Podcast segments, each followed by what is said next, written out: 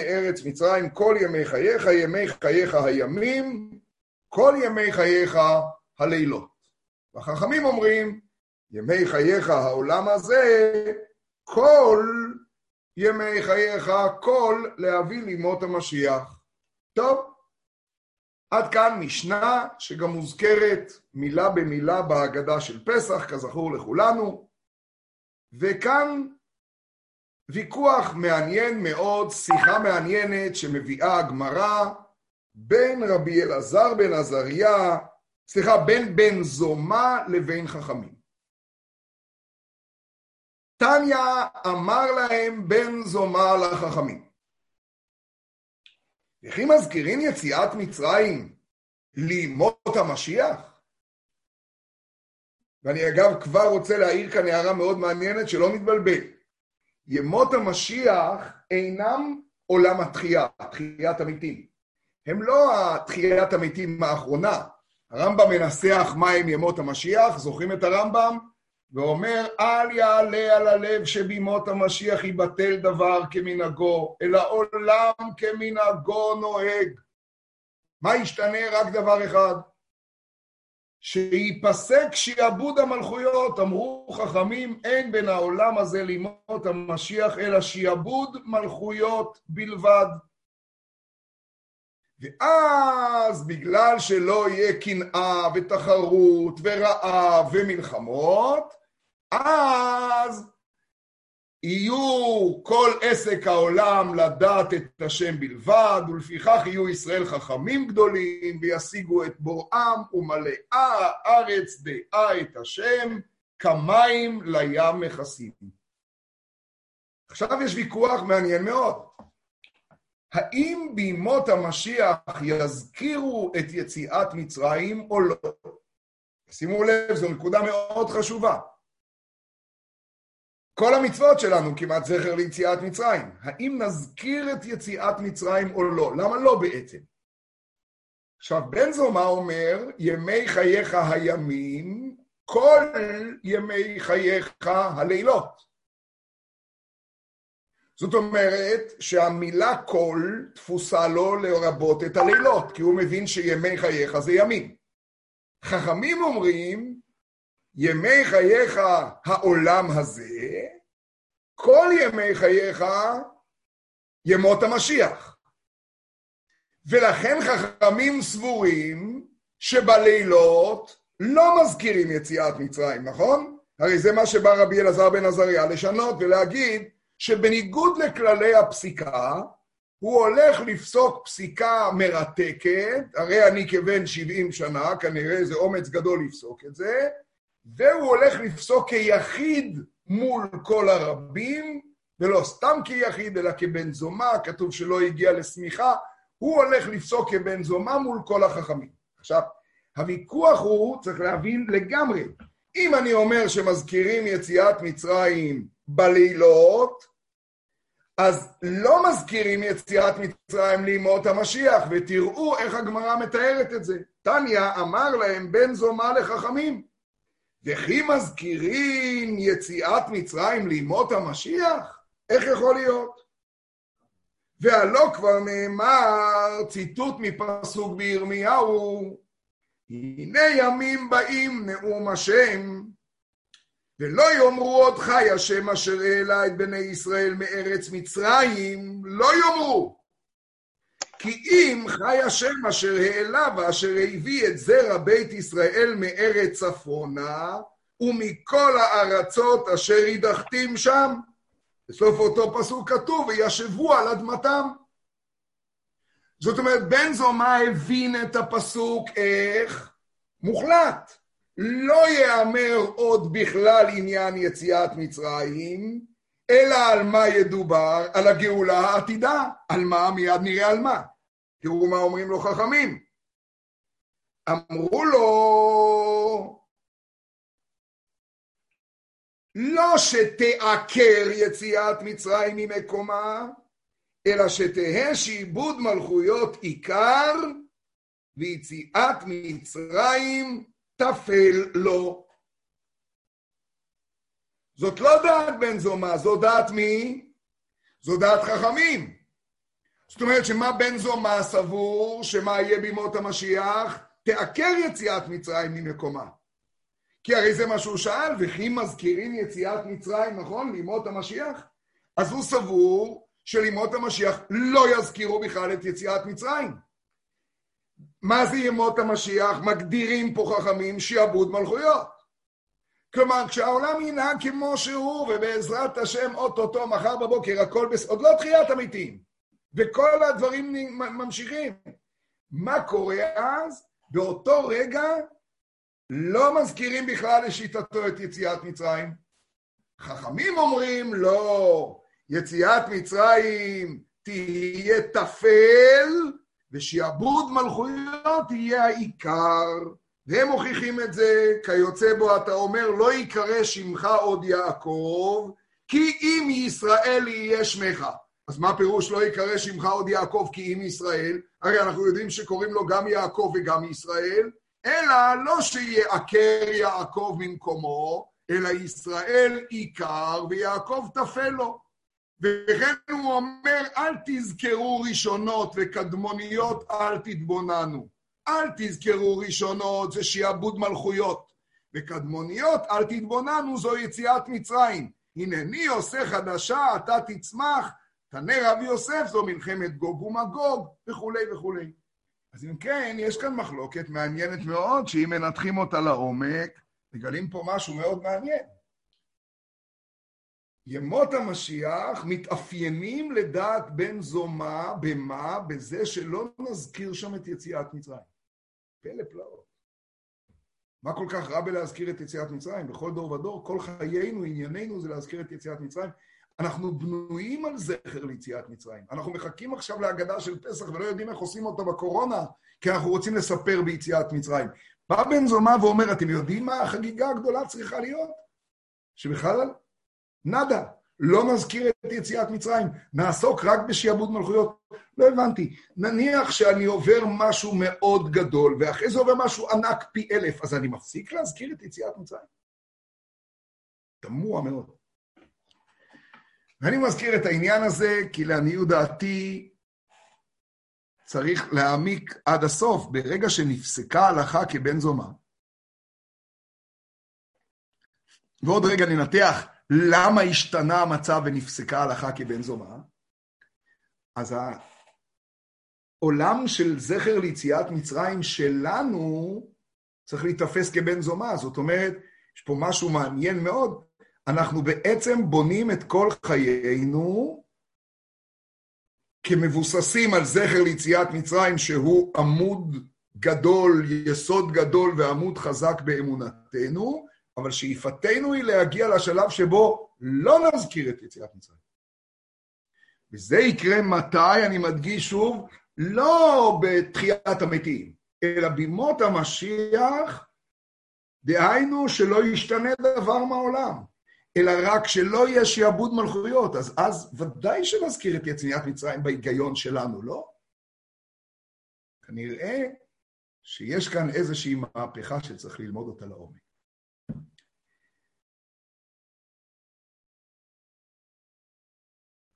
הרב? כבר רוצה לטעון, סליחה? הרב, מה זה שיעבוד מלכויות? מה הפשט? מה זה שיעבוד מלכויות? שאין יותר מלחמות. זהו. בסדר? שאין יותר מלחמות. זה שיעבוד מלכויות.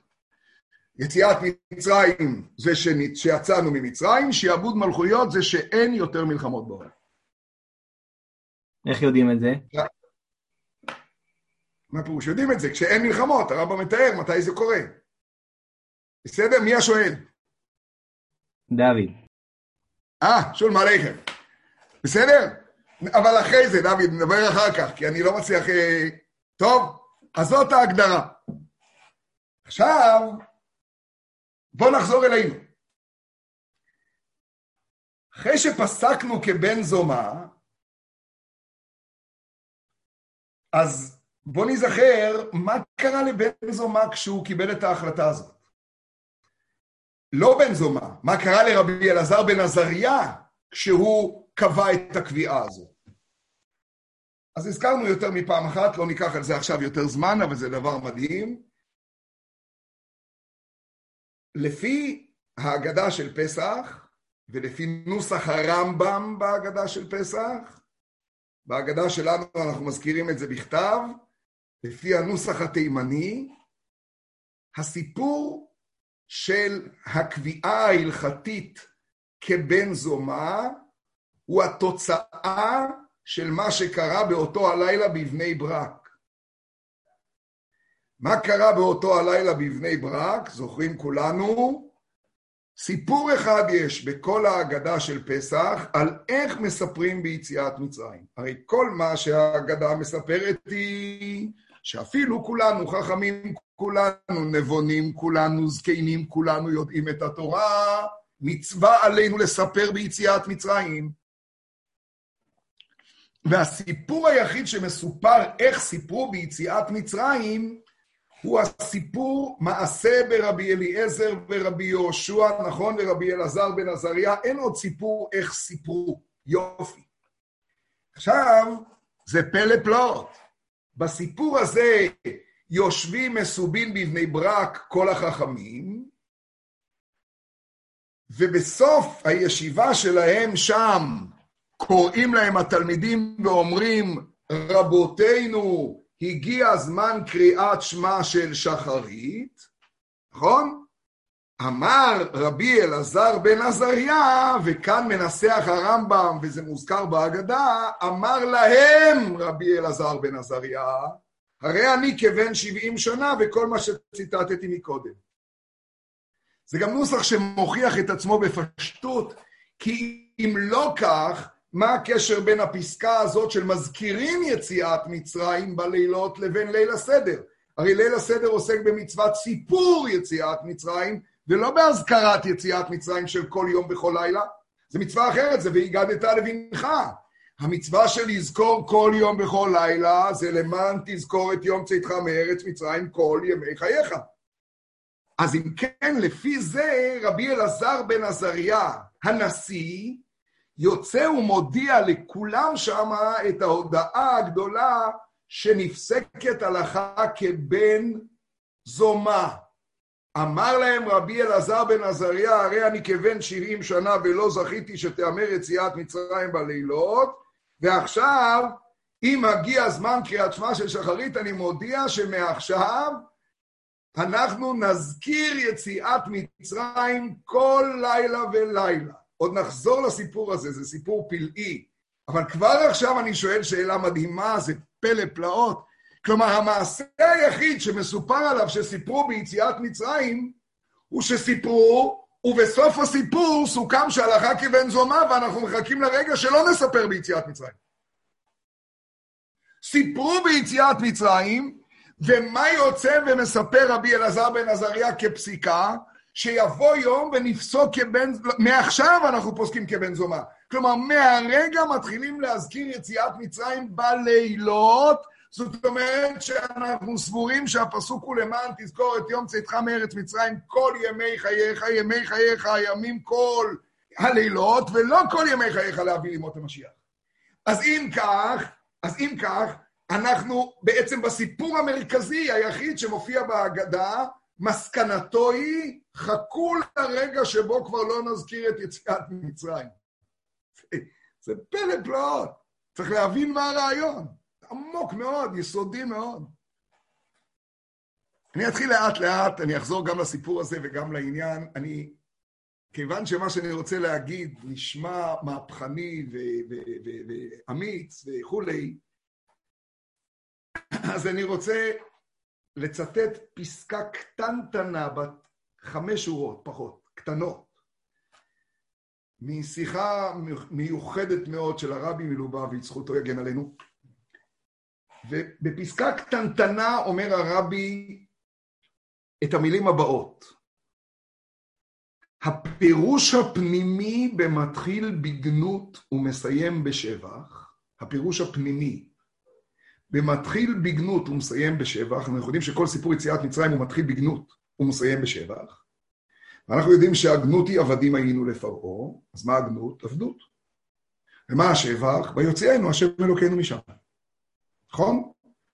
או לדעה השנייה, הגנות היא מתחילה עובדי עבודה זרה היו אבותינו, נכון? ומה השבח? ועכשיו קרבנו המקום לעבודתו. יפה. אומר הרבי, כל זה נכון. והפירוש הפנימי הוא, בתחילת ההגדה והסיפור ביציאת מצרים מודגש, אני הולך לאט לאט, אני רק אומר את המשפט, שהיציאה באה מצד למעלה. עוד מעט אני אסביר את זה לאט לאט. וכאילו בני ישראל שלמטה מצד מדרגתם אינם ראויים לגאולה. והמסיים בשבח הוא שגם למטה בעולם הזה יתגלה עניינה האמיתי של הגאולה, והוא מה שמופיע בסיום של ההגדה, ובנה לנו את בית הבחירה לכפר על כל עוונותינו. זה נשמע בינתיים כתב חידה. יש בעיה? זה נשמע בינתיים כתב חידה, ואני רוצה להסביר את זה לאט לאט, להתחיל את זה מההתחלה. מה זה בכלל הזכרת יציאת מצרים? רק חצי שנייה, רואים אותי? כי אני לא רואה אף אחד. רואים אותך, רואים אותך. בסדר גמור.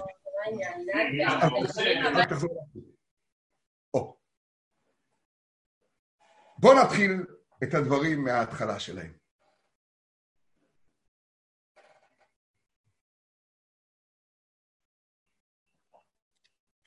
כשאמר הקדוש ברוך הוא לאברהם אבינו בברית בין הבתרים, זו הברית שעליה נאמר בהגדה, והיא שעמדה לאבותינו ולנו, שלא אחד בלבד עמד עלינו לכלותנו, היא, זאת הברית וההבטחה, ברוך שומר הבטחתו לישראל. והוא בא אל אברהם אבינו ואמר לו, אברהם אבינו, בניך יעברו את כל הצרות הגדולות של גר יהיה זרעך בארץ לא להם, ועבדום ועינו אותם ארבע מאות שנה. וגם את הגוי אשר יעבודו, ואחרי כן יצאו ברכוש גדול.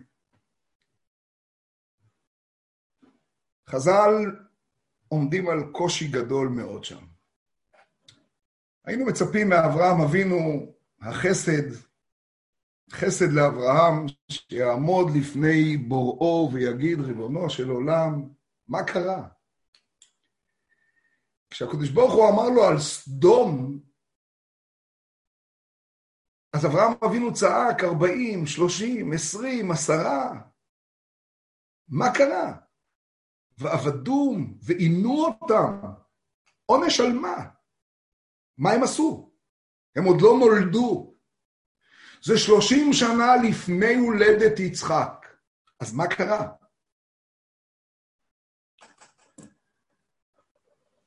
ואברהם לא מבקש הנחות, אלא רואה את המחזה, והיא שעמדה לאבותינו ולנו. שהקדוש ברוך הוא מצילנו מידם. חז"ל אומרים שם דבר פלא. בא הקדוש ברוך הוא אל אברהם אבינו, ואומר לו אברהם אבינו, במה אתה חפץ לבניך יותר? בגלות או בגהנום? מבהיל. למה גלות? למה גיהנום?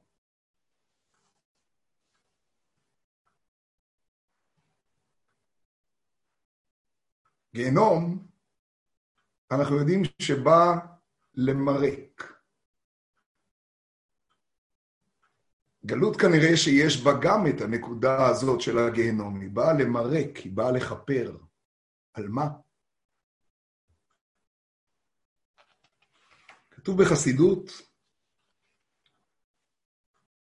שהדבר היחיד שעליו מדבר הקדוש ברוך הוא עם אברהם, הוא לא על שום חטא שבני ישראל חטאו,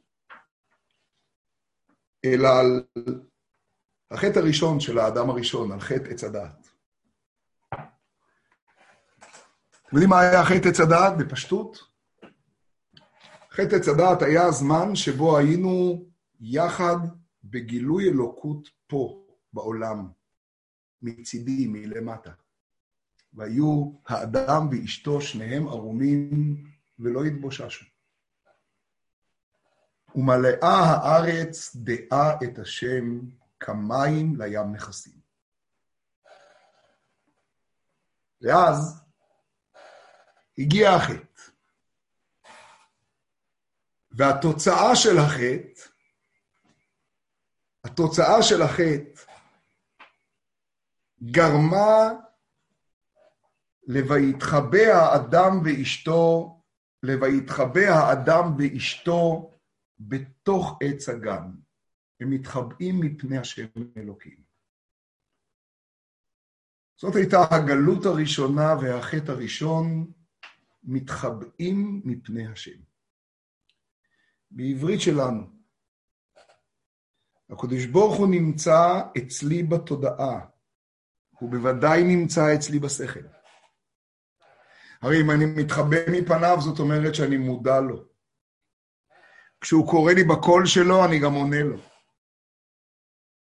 אבל האמונה היא לא לדעת בשכל, אלא וידעת היום והשיבותי לבביך, להרגיש פה.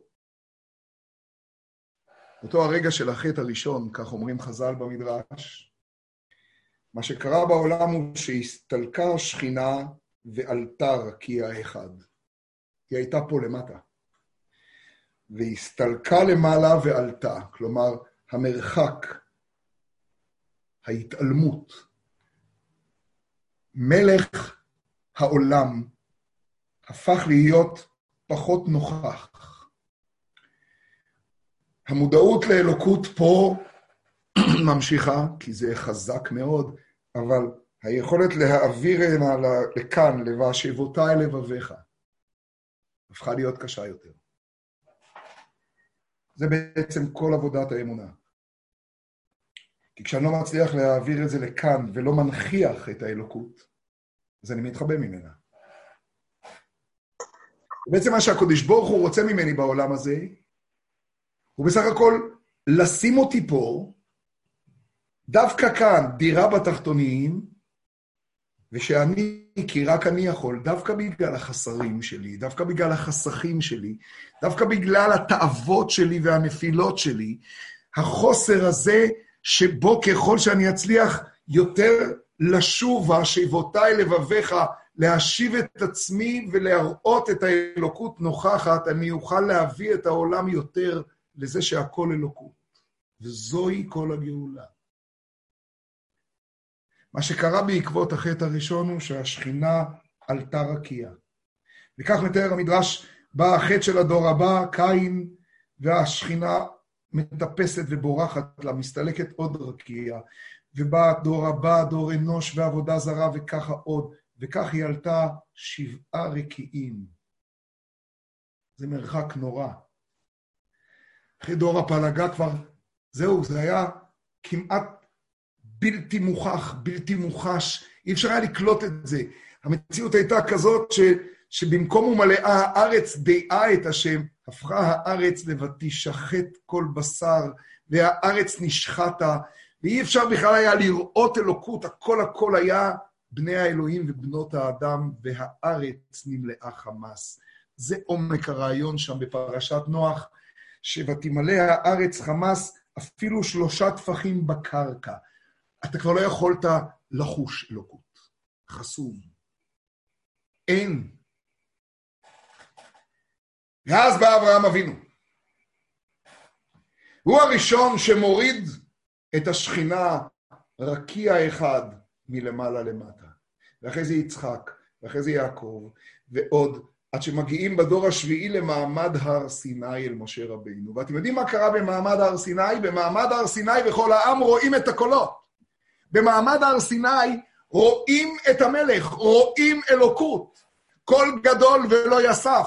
הקול האלוקי חודר את המציאות, עוף לא פרח, ציפור לא צייץ. כשהקדוש ברוך הוא בא לדבר עם אברהם אבינו, אברהם אבינו שואל אותו שאלה, ריבונו של עולם, אני עכשיו גמרתי את מלחמת ארבעת המלכים את החמישה, ניצחתי, גיליתי שיש אלוקות בעולם, יצא מלכי צדק מלך שלם, ומבינים כולם שיש אל עליון קונה שמיים וארץ. מלך סדום פתאום ראה שאלוקות היא מציאות. פתאום אנשים קלטו את זה, מימים שאני חש אותם עכשיו ממש. אבל במה אדע כי יירשנה? איך זה ימשיך? איך אדע שזה יוכל להימשך? אז אומר לו הקדוש ברוך הוא, צריך להביא לרגע שבו החטא הזה, שכולנו, כל האנושות נפלה בו, יתוקן מלמטה. כלומר, לא רק שמלמעלה הקדוש ברוך הוא יגלה עלינו, נגלה עליהם מלך מלכי המלכים, אלא שאני מלמטה, מלמטה אהיה כשיר להגיע לזה. זה בעצם כל המהלך שמתחיל מיציאת מצרים, והרבה לפני ההגדה לוקחת אותנו לתרח ואברהם אבינו. עוד רגע נחזור לשם. וממשיך עד ימות המשיח. ימות המשיח שלנו, בשונה מעולמות אחרים, להבדיל אלף אלפי הבדלות, אינם כל מיני שטויות של, של, של נשים ותאוות. כך מגדיר הרמב"ם את ימות המשיח. תשמעו את המילים.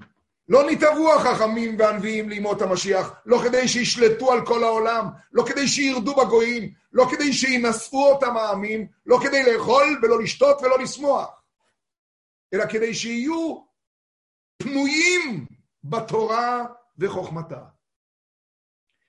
ולא יהיה להם נוגס ומבטל כדי שיזכו לחיי העולם הבא. והרמב"ם אומר, כמו שביארנו בהלכות תשובה, ומי שיפתח בהלכות תשובה יגלה, שהרמב"ם לא מדבר על נוגס ומבטל חיצוניים רק, על נוגס ומבטל שבאים מבחוץ ונלחמים בנו, אלא שזה יפו ממני ולי לא יהיה נוגס ומבטל. לא שלא יהיה לי יצר הרע, גם לאדם וחווה היה יצר הרע, אחרת אין בחירה בעולם. אלא שההנכחה של האלוקות תהיה כזאת, שממני אני אחוש ומלאה הארץ דעה את השם. ובאותו הזמן, אני חוזר עוד רגע למצרים, אבל אני גומר שנייה את הרמב"ם, לא יהיה שם לא רעב ולא מלחמה. ולא קנאה ותחרות, ואני רוצה לומר פה משהו מאוד עמוק. אתם יודעים למה לא יהיה שם לא רעב ולא מלחמה? כי כל עוד אני צריך לצאת ממצרים, מה לעשות שמה שמחזיר אותי לזכור שיש אלוקות בעולם זה רעב ומלחמה. אביסה לקורונה ופתאום אני נזכר שיש אלוקות. על כורחך אתה חי.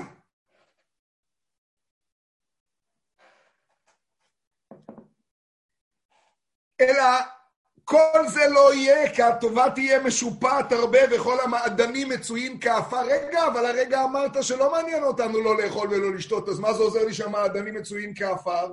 פלא פלאות. כשהאלוקות תהיה נוכחת, אין לי שום עניין לצמצם לך את המעדנים. הרי למה הקדוש ברוך הוא בא לפעמים לצמצם לי את המעדנים? כדי לתת לי ננה באוזן? כי הוא רוצה שאני ארגיש אותו. כי הוא רוצה שאני אצעק, אבא, למה הוא עושה בי חוסרים? כדי שאני אתכחש אליהם? הוא אוהב את החוסר שלי, כי מהחוסר שלי אני אחוש שבלעדיו אני כלום. העולם לא מוכן לקבל את החוסר אחד של השני. אבל הקדוש ברוך הוא רוצה אותי בגלל החוסר הזה, כי אני ממני לאט לאט אשלים אותו, אבל כל עוד העולם נמצא כשאנחנו עדיין יורדים מהרקיע למעלה לעוד אחד, לעוד אחד, לעוד אחד, לעוד אחד, עדיין לא הגענו למקום הזה שבו כל עסק העולם יהיה, תשמעו את המילים איך הוא מתאר את ימות המשיח, לא יהיה עסק כל העולם אלא לדעת את השם בלבד. אתם יודעים מה זה לדעת? זה והאדם ידע את חווה אשתו. זה גבל. זה הופך להיות, מוח... זה, זה מוחש, זה אתה, זה פה. ואז התקיים כי מלאה הארץ דעה את השם כמים לים מכסים. אגב, הרמב"ם כמעט מילה במילה נאמר גם בזוהר הקדוש, ושם נאמר, והמשכילים יזהירו כזוהר הרקיע, וישיגו בני אדם דעה שלמה. מה הכוונה? עם איי-קיו יותר גבוה? דעה שלמה הכוונה היא שהם יקבלו על זה עוד דוקטורט, שהם יהיו מדענים יותר גדולים? או שהם מפה, מלמטה, למטה, למטה, יגיעו למסקנה, כמו שהזוהר מסיים, ישיגו בני אדם דעה שלימה, הוא שנאמר כי מלאה הארץ דעה את השם כמים לים מכסים. אני חוזר רגע אלינו, אני מתחיל ביציאת מצרים. כשהקדוש ברוך הוא אומר לאברהם אבינו שיהיה גלות או גיהנום, והוא שואל אותו במה הוא רוצה יותר, אז יש שם מחלוקת במדרש, שתי גרסאות. על פי גרסה אחת, אברהם אבינו מבקש גלות ולא גיהנום. על פי גרסה שנייה, גרסה נוראית, אברהם אבינו מבקש גיהנום. והקדוש ברוך הוא אומר לו, לא, לא, לא, לא, לא, לא, לא, לא, אתה טועה, אל תעשה דבר כזה. והוא מלמד אותו לבקש גלות. אברהם אבינו, אבי החסד, זה מה שהוא מבקש בשבילנו. מישהו שם לב שסיומה של ההגדה, אנחנו ערב שבת הגדול, למנהג האשכנזים ולעוד מנהגים, בשבת הגדול קוראים את ההגדה, וקוראים את ההגדה מעבדים היינו, עד למילה וקרבנו לפני הר סיני ונתן לנו את התורה והכניסנו לארץ ישראל ובנה לנו את בית הבחירה לכפר על כל עוונותינו עד כאן שבת הגדול. שמתם לב פעם למבנה הזה של על אחת כמה וכמה? מבנה מדהים. אילו הוציאנו ממצרים ולא עשה בהם שפטים, אילו עשה בהם שפטים ולא עשה באלוהיהם, 14 שורות. בשום פסקה אין פירוט. לא כתוב, אילו הוציאנו ממצרים שנמצאת בין אתיופיה לסיני, ולא עשה בהם שפטים שנאמר... מילה מילה. ובסוף כתוב, אילו הכנסנו לארץ ישראל ולא בנה לנו את בית הבחירה, אבל לכפר לנו על כל עוונותינו. זו הפעם היחידה. עכשיו, כשאני מביא לך ציור ויש בו חריגה אחת, רק אקורד אחד חורג, אני מבקש שתשים לב. וכשהחריגה האחת הזאת היא סיום ההגדה, כי מה שמופיע אחר כך הוא רבן גמליאל אומר כל שלא אמר שלושה דברים אלו בפסח לא יצא ידי חובתו. זאת אומרת, בעצם זה סיום ההגדה. מה זה קשור להגדה? דוגרי, אם הייתי אומר לכם לאן מתאים המשפט ולא בנה לנו את בית הבחירה לכפר על כל עוונותינו, ליום כיפור או לפסח? לעשרת ימי תשובה, לתשרי או לניסן? מה זה קשור להגדה של פסח? מוריי ורבותיי, כל המהלך של סיפור יציאת מצרים יכול להיות שמתבלבל אצלנו. סיפור יציאת מצרים בא לספר בעומקו שהגלות הגיעה במקום גיהנום. אבי החסד שלנו, אברהם אבינו, אמר, אולי בעצם הכי חסד זה שהם יעברו מרוק נוראי גיהנום, אבל בום אחד, ולא את כל הקשיים האלה של הגלות, שלא נועדו אלא כדי שנתמרק ונתכפר. אתם יודעים מה זה לכפר בעברית? לכפר זה לא לסלוח ולא למחול, זה הרבה יותר עמוק. לכפר זה לנקות. אולי אכפרה פניו במנחה ההולכת לפניי, אומר יעקב על המנחה שהוא שולח לעשו. לכפר על כל עוונותינו זה שהקדוש ברוך הוא יבנה לנו את בית הבחירה, כי הוא בחר בו והוא בוחר בנו, ובית הבחירה הזה יהיה המקום שבו אנחנו נגיע לזה שהעוונות שלנו כבר יכופרו. יכופרו, זאת אומרת, לא שהוא סולח, אלא שעשו ישנה את פניו, אכפרה פניו, יסתלקו פנים של כעס ויבואו פנים של נחת. זכירת יציאת מצרים אומרת תשמעו, כי זה גוואלד, זה כל הפרשה, זה כל ההגדה. שעבדים היינו לפרעה במצרים. ויוציאנו השם אלוקינו משם. בכוח גדול וביד חזקה. אני תמיד הבנתי שהכוונה היא ביד חזקה נגד המצרים, אולי קצת נגדנו. לא, לא, לא, לא. ביד חזקה זה נגד מידת הדין שטענה בצדק טענה פשוטה. למה שיצאו ממצרים? למה זה מגיע להם? הללו עובדי עבודה זרה והללו עובדי עבודה זרה. למה שיצאו ממצרים? הם במ"ט שערי טומאה. אז למה שיצאו? כשהקדוש ברוך הוא צמצם את 400 השנה ל-210, זה סתם עניין טכני? הרי חז"ל מסבירים למה זה. זה כי כבר הגענו קרוב לשער הנון, והמלאכים בצדק באים ואומרים מצד מידת הדין, מידת הדין זה לא מפלצת, מידת הדין זה ההיגיון, הצדק. מה ההבדל? הם נראים כמו עשיו, הם נראים כמו מצרים. כל השינוי הוא רק שאתה רוצה להיגלות עליהם? ואילו לא הוציא הקדוש ברוך הוא את אבותינו ממצרים,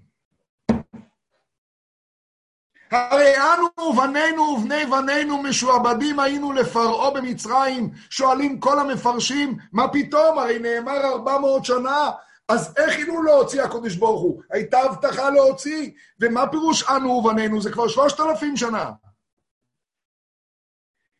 אילו לא הוציא הקדוש ברוך הוא את אבותינו, זכירת יציאת מצרים היא לזכור שלא אני יצאתי מצידי.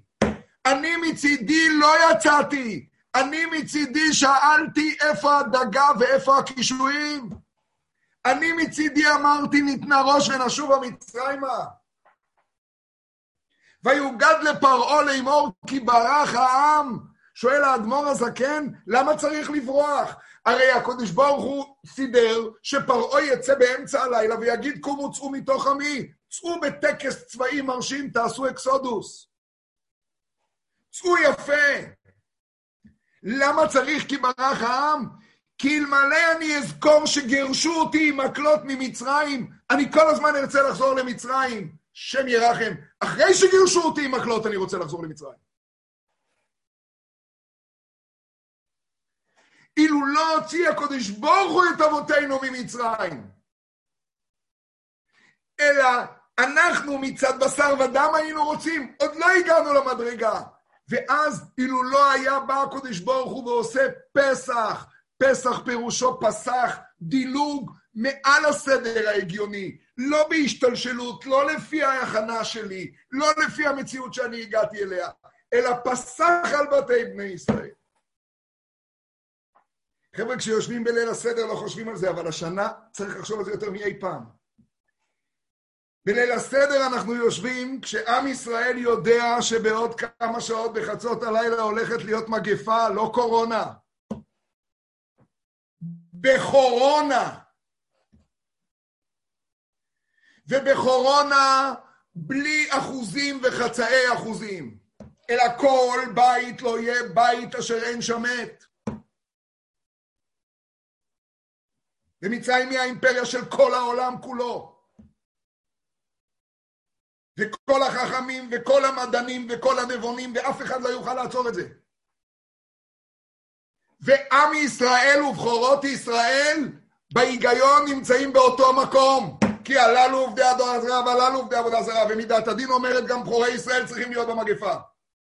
ואז בא הקדוש ברוך הוא ואומר, קדש לי כל בכור, כדי להציל את הבכורים.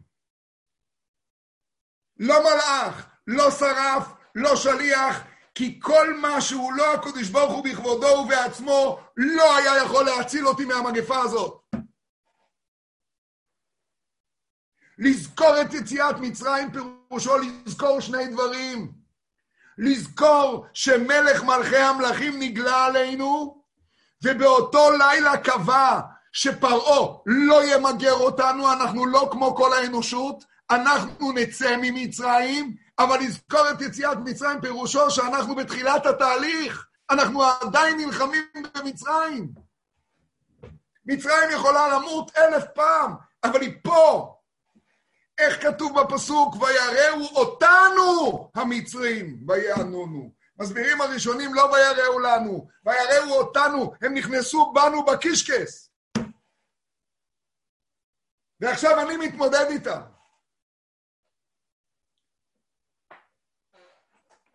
רבי מלובביץ' מסביר, הלך מעניה דיאכלו אבהתנא בהרעה דמצרים. זה הכותרת של ההגדה. הוא שואל מה הלך מעניה דיאכלו אבהתנא בהרעה דמצרים. הרי הלך מעניה שאנחנו מספרים בליל הסדר זה דיאכלו אבהתנא כשהם יצאו ממצרים. אז מה זה בהרעה דמצרים? אומר הרבי, הלחם שאכלו אבותינו כשהם יצאו ממצרים, הם אכלו אותו כשהם עדיין היו בפנוך או בארץ מצרים. הלך מעניה דיאכלו אבהתנא כשיצאו ממצרים, אבל עדיין היינו בערד מצרים.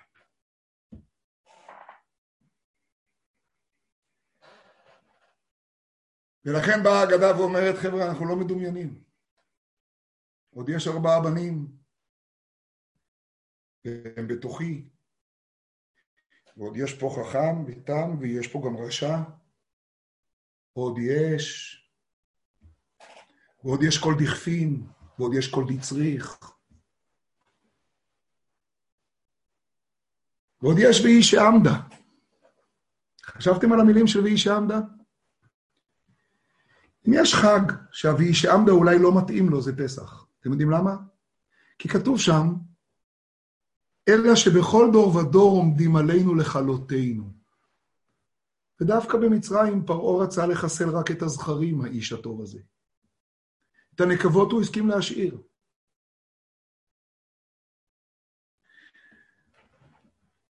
איך אמרו הסבתות שלנו בוורשייט, בכל דור ודור עומדים עלינו לכלותנו? הם בטח אמרו, לא כמו במצרים, הפעם זה ברצינות. אצלנו זה הרבה יותר חמור. לא, יפה. וזה גם כיף, כי יש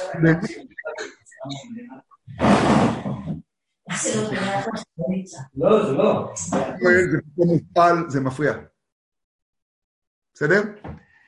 אלא שבכל דור ודור עומדים עלינו לכלותנו, אתם יודעים מה העומק? שבכל דור ודור עומדים עלינו לכלותנו, והקודש ברוך הוא מצילנו מידם. כלומר, מה שאנחנו ממשיכים בעצם את כל התהליך זה כדי לוודא לעצמנו שאנחנו קולטים שיצרו של אדם מבקש להורגו בכל יום, ואלמלא הקדוש ברוך הוא עוזרו, אינו יכול לו. בעברית אחרת, אם לשנייה אחת אני לא אזכור את יציאת מצרים, עכשיו תקשיבו בעומק את המושג. אם אני לשנייה אחת לא אזכור שזה הקודש ברוך הוא הוציא, סלש, מוציא, בשנייה זאת אותי ממצרים. אני אפספס את הפוליסת ביטוח שלי. הפוליסת ביטוח שבנויה על זה שאני מעצמי עוד לא יכול לצאת לבד. קידמתי עוד משהו את העולם, ברוך השם, כי מרגע שהייתה יציאת מצרים, זה החידוש המדהים של הלילה הזה, קרו שני דברים שהם אחד. נגלה עליהם מלך מלכי המלכים בכבודו ובעצמו, וקבע שמסלול הגאולה, שבווייז שלו זה מלאה הארץ דעה את השם מפה, התחיל. הוא בתהליך אל-חזור. גם אם באמצע יגיעו רגעים שתחשוב שהם הרבה יותר קשים ממצרים, שכבר עונים לקריטריון של עומדים עלינו לכלותנו. מסלול היציאה החל. יסוד הנגיף זוהה. פרעה הפוטנציאלי חוסל. אבל עד לחיסול דה פקטו שלו, עוד יעברו אי אלו ימים ולילות.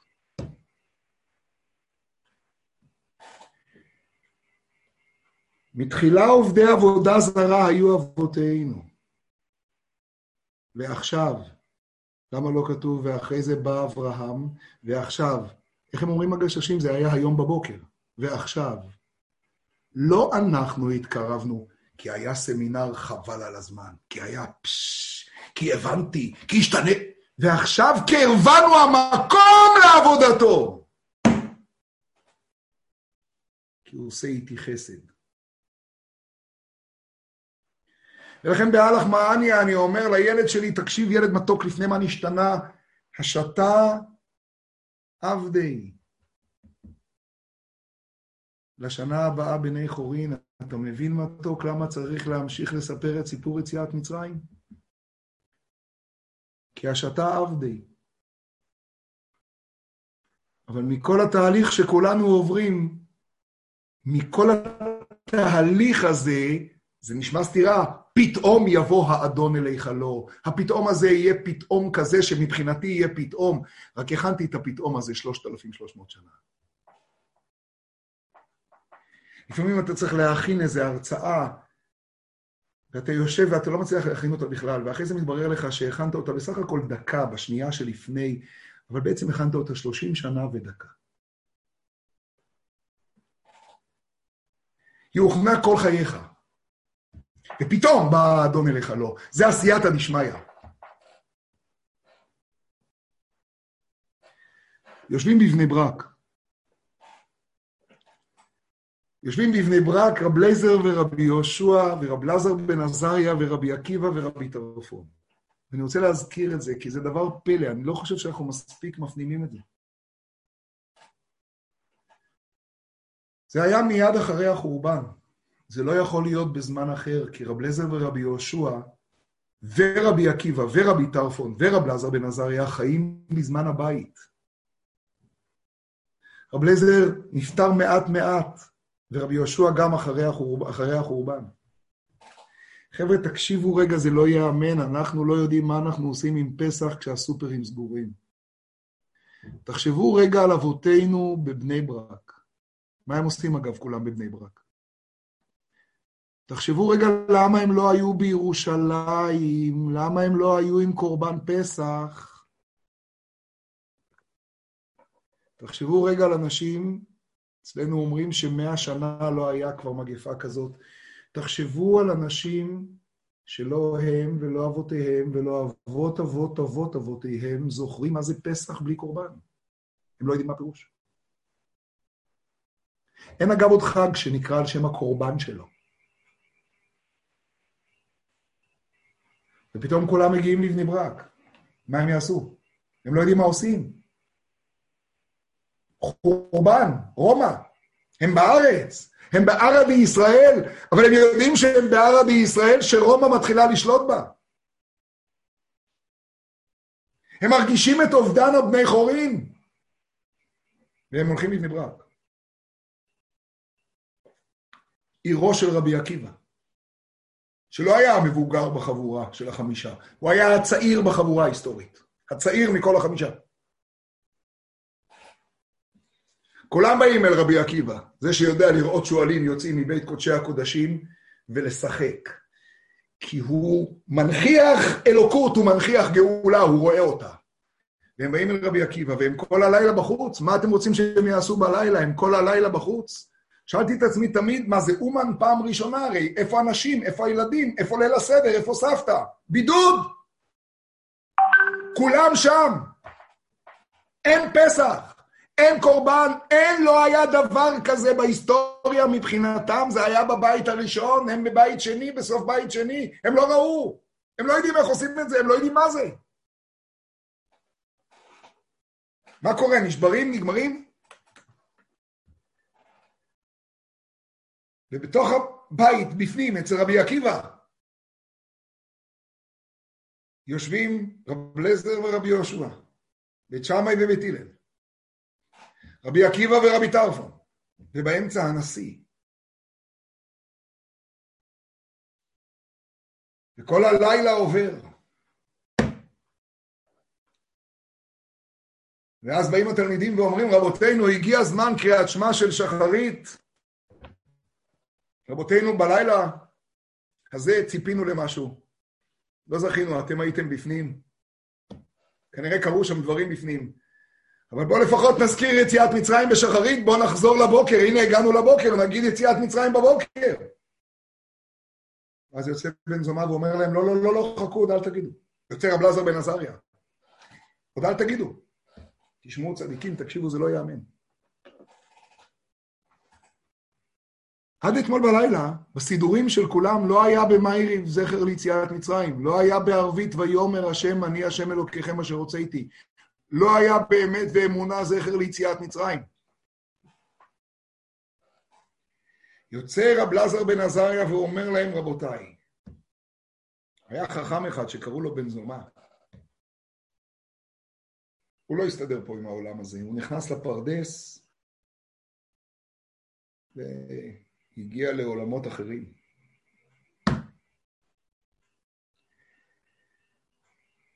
ובכלל אין שום סיבה לפסוק מותו כי יחיד ורבים הלכה כרבים. אבל אתם יודעים מה התרחש בלילה הזה? בלילה הזה, כשישבו גדולי העולם וסיפרו ביציאת מצרים בחושך הגדול ביותר שהיה אי פעם, אתם יודעים מה התחדש מהחושך הזה? שמהלילה, לא שנמשיך רק את ליל הסדר כל שנה, אלא שמהלילה תכניסו לסידורים שלכם שכל לילה נזכיר יציאת מצרים. כי הגענו לחושך כל כך גדול, שממנו הקודש ברוך הוא רוצה להביא אותנו למקום שנאיר בו את העולם במקומות שלא האירו אותו אבותינו ואבות אבותינו. אנחנו נתחיל להזכיר יציאת מצרים בלילות, עכשיו תשמעו את המהפכה. זאת אומרת, אנחנו ברגע זה הודענו שבימות המשיח לא נזכיר יציאת מצרים. לא את הלילות שינינו, אנחנו משנים את העתיד. אנחנו קובעים שבימות המשיח יגיע מלאה הארץ דעה את השם יותר גדול ממה שחשבנו לפני כן. עד עכשיו פסקנו כחכמים, אז מה היה צריך להיות בימות המשיח? יציאת מצרים תפל ושיעבוד מלכויות עיקר. השתנתה ההלכה. מכוח הגלות, מכוח הלילה, אם הקדוש ברוך הוא מנסה אותנו במקום כל כך נמוך, משמע שהוא מאמין בנו כל כך למטה, ורוצה אותנו במקום הזה הנמוך, שנתמודד עם החסך הזה, עם הקושי הזה, עם הטייבה הזאת, עם העניין הזה, ושם במקום הזה הוא רוצה שנגיע לאור שלא היה בכלל צפוי כזה לפני כן. כי לפי כל פעלי הפסיקה היה צריך שבימות המשיח תהיה יציאת מצרים תפל. שונתה ההלכה בשנייה הזאת. בימות המשיח שאנחנו מתחילים אותם עכשיו, יציאת מצרים לא תיזכר כלל ועיקר. מהחושך הזה, אנחנו הולכים ליצור אור שאבותינו ואבות אבותינו עוד לא שמעו עליו. זה גוואלד. זה רבי עקיבא, לכן הגיעו לבני ברק. כי רבי עקיבא לא ראה שועל יוצא מבית קודשי הקודשים ואמר, נו אין דבר, השועל טפל והגאולה עיקר. יודעים מה הוא אמר? הם בוכים והוא משחק. לא הבנתי, רבי עקיבא, עין במר בוכה ולב שמח. אבל מה זה שוחק? למה אתה לא בוכה? מה אתה בוכה? מה, מה משחק? מה משחק? כי כשרבי עקיבא ראה את עומק הנומך, מסביר המהרש"א, את עוצם החושך, הוא אמר, זה אומר שאני כל כך למטה, הקודש ברוך הוא מאמין בי. מפה הולך לצאת אור שלא ידעתי שהולך לצאת, ולכן הוא רואה את השועל ושוחק.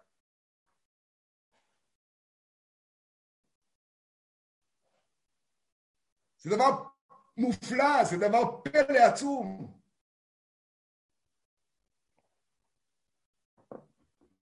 ואתם יודעים מה יהיה בימים ההם, אומר הרמב"ם, אנחנו ערב שבת הגדול, אתם יודעים מה יהיה בימים ההם? לא קנאה ולא רעה ולא תחרות, ולא יהיה מעניין בכלל, כל הטיפשות הזאת, אם ננסה את העמים והם ינסו אותנו, ואם יהיה לאכול ולשתות, כי זה לא יעניין, כי הנפש האלוקית מתעניינת בדברים אחרים ולא בשטויות האלה. כי הנפש האלוקית מתעניינת באלוקות, כי זה מה שמעניין אותה. וכ-3,300 שנה ועוד דקה הכנו את עצמנו לקראת הפתאום יבוא האדון אליך לא, ואנחנו מכינים את זה בדמעות שלנו, בהתמודדויות שלנו, בחושך שלנו. ואז אתם יודעים מי יהיה הגיבור הגדול? תשמעו, כך אומר הרמב"ם פתאום באותו פרק, שתחילת ימות המשיח יבוא נביא ליישר ישראל ולהכין ליבם, תשמעו את המילים, ליישר ישראל ולהכין ליבם, מה זה ליישר ישראל? ליישר ישראל, לנקות, לנקות בפנים ולהכין ליבם, שנאמר הנה אנוכי שולח לכם את אליה הנביא. זה עומק הקשר של שבת הגדול עכשיו. ואינו בא אליהו לא לטמא הטהור ולא לטהר הטמא. אתם יודעים למה לא? כי לטמא הטהור ולטהר הטמא זה חיצוני לי, זה הפויסק אמר, הקודש ברוך הוא אמר. משה קיבל תורה ואני קיבלתי את זה. הנחיתו עליי, נגלה עליהם מלך מלכי המלכים, פסח עליהם. לא. ולא לפסול אנשים שהם בחזקת כשרות, ולא להכשיר מי שהוחזקו פסולין, אלא, תשמעו את המילים, לשום שלום בעולם. אתם יודעים איפה? פה. פה לשום שלום. שנאמר והשיב לב אבות על בנים. בתחילת הימים יבוא נביא, וזה יהיה תפקידו.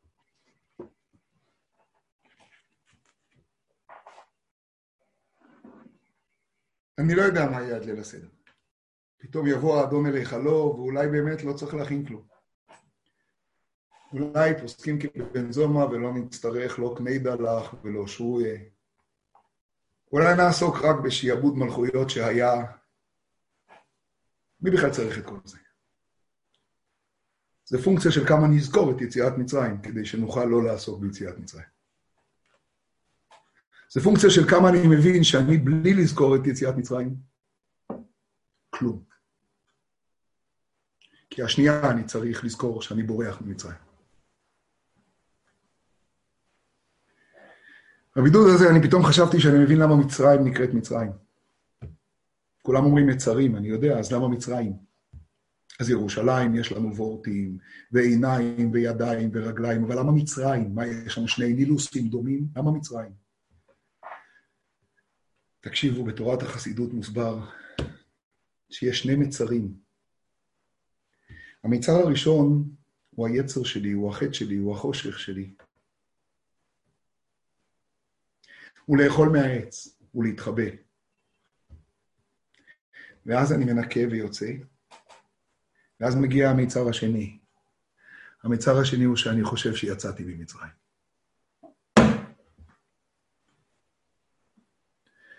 ועכשיו כל הסכנות חזרו.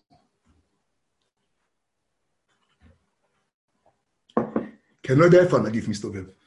הוא מסתובב פה. מצרים, זה כשאני יוצא מהמצר הראשון, אני נוחת במצר השני, של המחשבה שאני כבר לא במצרים. זכר ליציאת מצרים. תניח תפילין זכר ליציאת מצרים, ותעשה סוכה זכר ליציאת מצרים, ותעשה קידוש זכר ליציאת מצרים. וכל מה שאתה עושה, תעשה זכר ליציאת מצרים, אל תהיה מדומיין, אח שלי. ואז פתאום יבוא האדון אליך לא. ואז, בבידוד הזה, ובזה אני רוצה לסיים, בבידוד הזה יש כוחות, לא יודע, שאני חש, שהם ודאי הרבה הרבה הרבה הרבה יותר עליונים.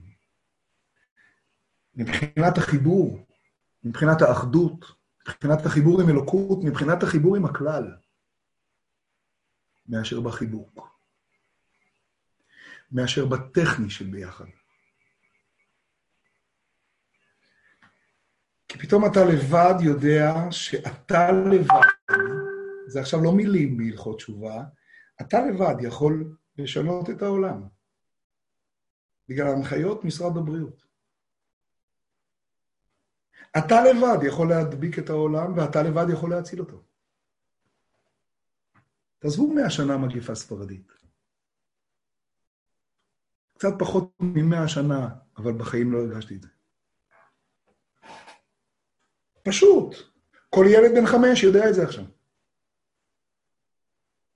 כל תינוק בן שלוש שרואה בוואטסאפ את כל הלחתי ידיים ואת המשה זיכמיר ואת הכל, יודע עכשיו שזה הכל פה מלמטה. אתה. וכל מה שנשאר זה שפתאום יבוא האדון אליך לא. כי פתאום בא נודניק כזה, ופתאום יבוא האדון אליך לא. זה לא נודניק, זה סך הכל אחד שרוצה אותך לבד איתו. אמרתי במוצאי שבת בוואטסאפ, שבדד זה לא לבד. שבדד זה בא, דד. זה כמו אימא שרוצה אותך בשדי אימא, בדד. בוא תהיה בדד שלי. אתם יודעים מה יש בחלב שנמצא בדדי אימא? כל החיסונים. ואם הסופר ריק, החלב מתחדש. אתם יודעים מה צריך כדי שהוא יתחדש? שאתה, מותק, תהיה רגוע. כי אם אמא לא רגועה, זה כי אתה עצבני. ואם היית יודע שלאמא כואב שאתה לא מצליח לאכול טוב, פי אין סוף ממה שלך כואב. היית כל כך רפוי? אם תהיה רפוי, אני בטוח שתכניס את כל הפה שלך ותינוק. לא חצי קלאץ'. כי כשיונקים חצי קלאץ' עם חצי פה בחוץ, זה לילה מובטח לגזים ובלאגן. רילקס, מותק. רילקס. בידוד. זוכרים את הסיפור של תשמ"ח על הרבי? נגיד עוד פעם את המשפט שהוא אמר עכשיו, ואז את הסיפור ובואו נסיים. זה הפירוש הפנימי של מתחיל בגנות ומסיים בשבח.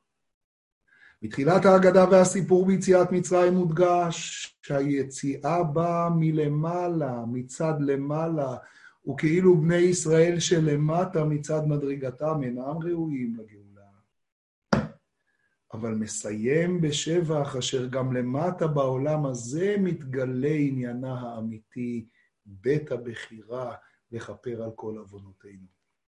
והסיפור, תשמ"ח, כולם זוכרים, הרבנית חיימושקי עליה השלום, פטירתה בכ"ב בשבט, ראש חודש אדר, הרבי קם מהשבעה, רק הוא ישב. ילדים לא היו אף פעם.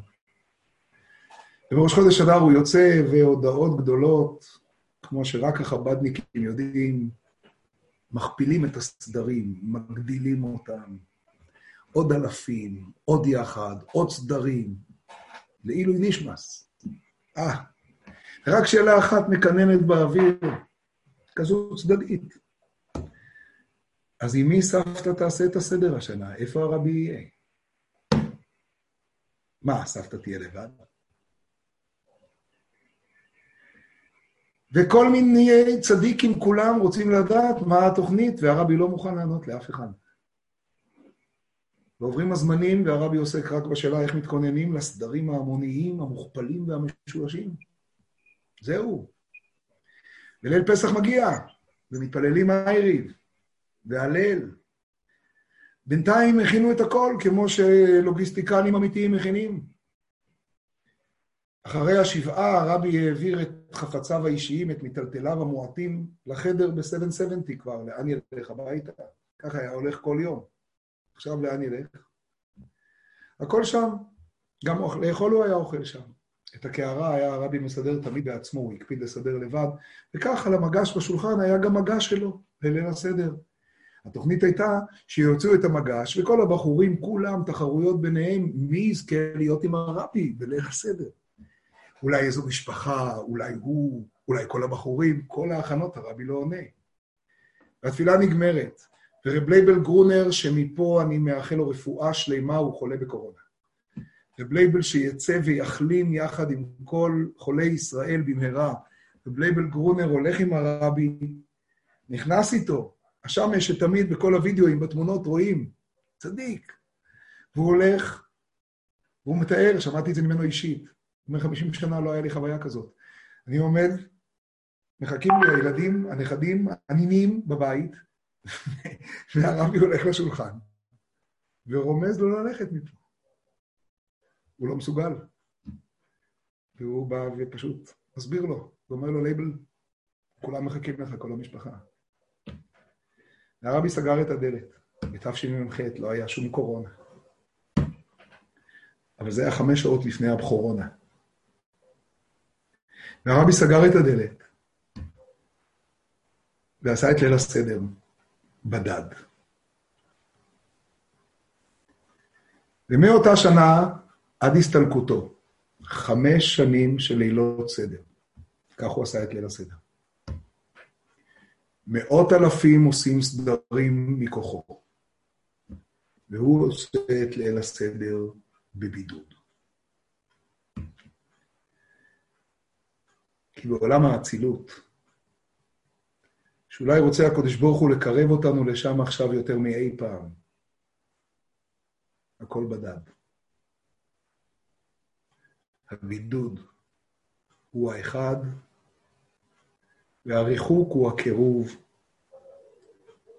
וכל מה שנראה לנו הפוך, הוא ההכנה לפתאום יבוא האדון אל היכלו. אז נשתמע בעזרת השם עוד לפני פסח, ובעזרת השם נשתמע מהפסח הזה בגאולה שלמה. אוי יציאת מצרים. רק גאולה עתידה. ובעזרת השם, בגאולה שלמה עלינו ועל כל ישראל. איך מחזירים את כולנו כדי שנשמע ככה... לשאול שאלה. אני רוצה להגיד משהו. כן, בכבוד. אה? אה? שומעים אותי? מה שמעת? כן, לך שנייה, יהיה פה בשיעור הזה. אפשר...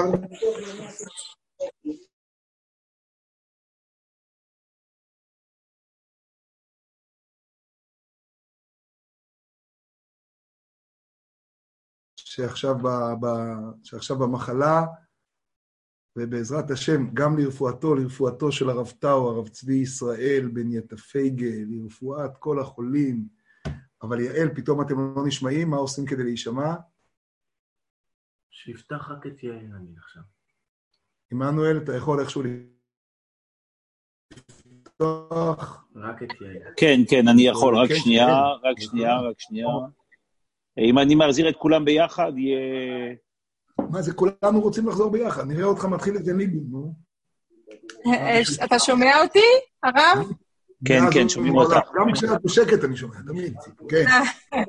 לא, אני... אני רוצה להציע את ההבנה אחרי הדברים המצטעים. ניסים, ניסים בן דיה, עודד. ניסים בן דיה, עודד, דוקטור ישר, רופא צדיק מצרפת, בכבוד, כן. כן, אני רוצה רק אולי אה, לרדת לסוף המשפט הזה שאומר, חייב אדם לראות את עצמו כאילו הוא הפעם, ולא הקדוש ברוך הוא הוציא את עצמו. זאת אומרת, אחרי הדברים האלה, נראה שכל אחד צריך לראות באמת איך הוא יוצא ממצרים, ולא הקדוש ברוך הוא מוציא אותו. מדהים, מדהים, אתם שמעתם מה שאני אומר עכשיו? את, את, את, את זה פספסתי, את זה רציתי להגיד כל הזמן. חייב אדם לראות את עצמו, ולכן הזכרתי את הרמב"ם בהתחלה בנוסח שלו, כאילו הוא בעצמו יוצא עתה משעבוד מצרים. כלומר, אם הוא לא רואה את השעבוד, סימן שהוא לא מבין שהוא צריך לצאת. זה הוא עצמו, תעזוב את הקדוש ברוך הוא, חייב אדם מדהים, חייב אדם לראות את עצמו, כאילו הוא עצמו יצא. זה בכלל סיפור על הסיפור שלי, הכי אישי. איזה כיף בבידוד, לבד. רק הנודניקים האלה, אליה ואלה, כן יהיו פה איתי, אבל, היה, אבל, אבל בבידוד, בשקט. לבד, איך אני יוצא ממצרים, כי אז כשאני אצא ממצרים, גם אם אני לבד, נניח, אז אני אהיה הרבה יותר טוב. לא יקרה לך כלום. לכן זה הלילה היחיד שהאבות חייבים לא להעביר את החינוך למלמדים. הם לא יכולים לצאת ידי חובה כך. הם חייבים לספר בעצמם לילדים איך הם בעצמם משועבדים ויוצאים. לא יכול לתת לך להבין את הסיפור לבד. לא יכול, לא יכול לשחרר אותך, לא יכול לעשות את זה בזום מכוונן דרך המלמד. אני צריך לספר את עצמי בעצמי, ולא איך הקודש ברוך כי, כי בינתיים, ברור, הקודש ברוך הוא מוציא אותי, אז אני צריך לספר איך אני בעצמי, מה אני עושה עוד שלב, עוד שלב, עוד שלב, עוד שלב, עד שמגיעים שם אל המקום הגדול הזה. כן, אני. מאוד יפה. אה, נו, רבי ינקל, שלום עליכם. תפתח, תפתח, אה, אה, עמנואל, נגיד שלום. בלאגן, בלאגן. פתרתי לכולם עכשיו. חג שמח. כן, אני מוסיף, חיים רפאל בן רחל, גם כן קשה מאוד, מאוד ובזה, יכול להתהפך בכבודו ובעצמו. הייתה מישהו. להתראות. להתראות כל טוב.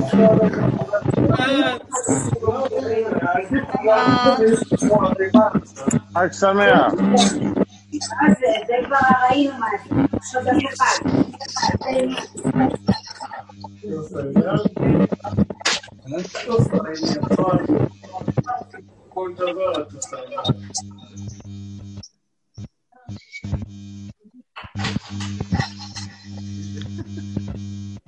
نبذ خضر